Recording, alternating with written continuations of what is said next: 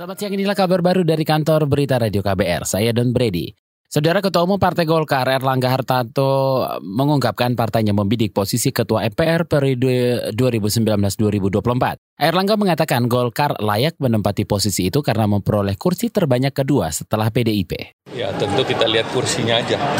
Di parlemen kan posisi kan berdasarkan kursi dan kalau di MPR kan terkait dengan paket tentu paket eh, koalisi pemerintah ini kan terdiri dari beberapa partai. Nah itu diproporsional di sana saja. Ya artinya koalisi kerja kan ada paket. Nah kita mengurus paket yang ini. Ya tetapi kan tergantung urutan kan tergantung kursi. Ya itu sudah kita bahas dengan berbagai partai. Ketua Umum Partai Golkar Erlangga Hartarto mengaku partainya juga telah melakukan lobi-lobi terkait posisi pimpinan MPR. Meski begitu, ia enggan membocorkan nama yang dipersiapkan untuk memperebutkan kursi jatah pimpinan MPR periode mendatang. Sebelumnya Ketua Umum PKB Muhaimin Iskandar atau Caimin juga telah terang-terangan mengincar posisi Ketua MPR. Menurutnya posisi di MPR adalah targetnya setelah cukup lama mengabdi di eksekutif. Polri memastikan kasus yang menjerat Imam Besar Front Pembela Islam FPI Rizik Sihab terus diproses. Juru bicara Mabes Polri Dedi Prasetyo mengatakan dari berbagai kasus yang terjer menjerat Rizik hanya kasus di Polda Jawa Barat yang dihentikan prosesnya. Sudah saya konfirmasi ke kabar eskrim, eh ke baris krim. Yang yang di SP3 kan hanya yang kasus yang di mana? Cek Polda. Iya, di Polda Jabar aja. Sebelumnya Rizik terjerat, terjerat sejumlah skandal seperti pornografi serta kasus lain yang belum selesai ditangani.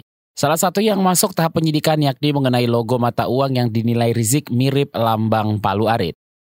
Saudara ribuan hektar sawah pertanian di Kabupaten Pati gagal panen akibat kemarau panjang. Laporan selengkapnya akan dibacakan kontributor KBR di Pati, Agus Pambudi. Kekeringan yang melanda di 80 desa yang tersebar di 10 kecamatan di Kabupaten Pati ini terjadi sejak dua bulan terakhir ini. Kepala Dinas Pertanian Kabupaten Pati, Muhtar Effendi mengatakan untuk menghindari puso dan gagal tanam akibat kurangnya pasokan air irigasi, petani terutama di daerah kekeringan untuk tidak menanam padi lebih dulu. Ya ini memang kondisi alam apalagi para petani khususnya yang tak ada hujan di daerah selatan juga harus benar-benar mempertimbangkan lah.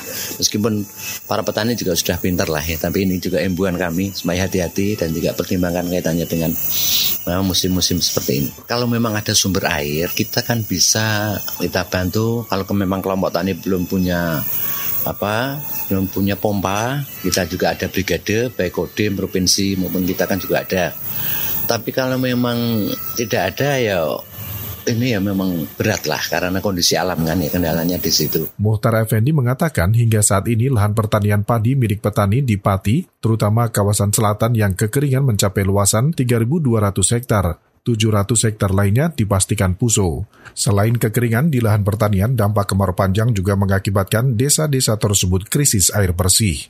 Agus Pambudi, Radio Paspati melaporkan untuk KBR.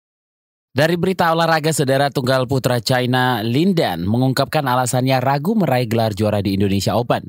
Menurutnya faktor iklim dan supporter membuatnya tak yakin mampu meraih gelar. Sejak 2001, Lindan belum pernah juara di Indonesia Open, terakhir pada 2016. Laki-laki 36 tahun tersebut gugur di putaran kedua. Selain berambisi cetak banyak poin di Indonesia Open, Lindan juga masih ingin tampil di Olimpiade 2020. Demikian kabar baru dari kantor Berita Radio KBR, saya Don Brady.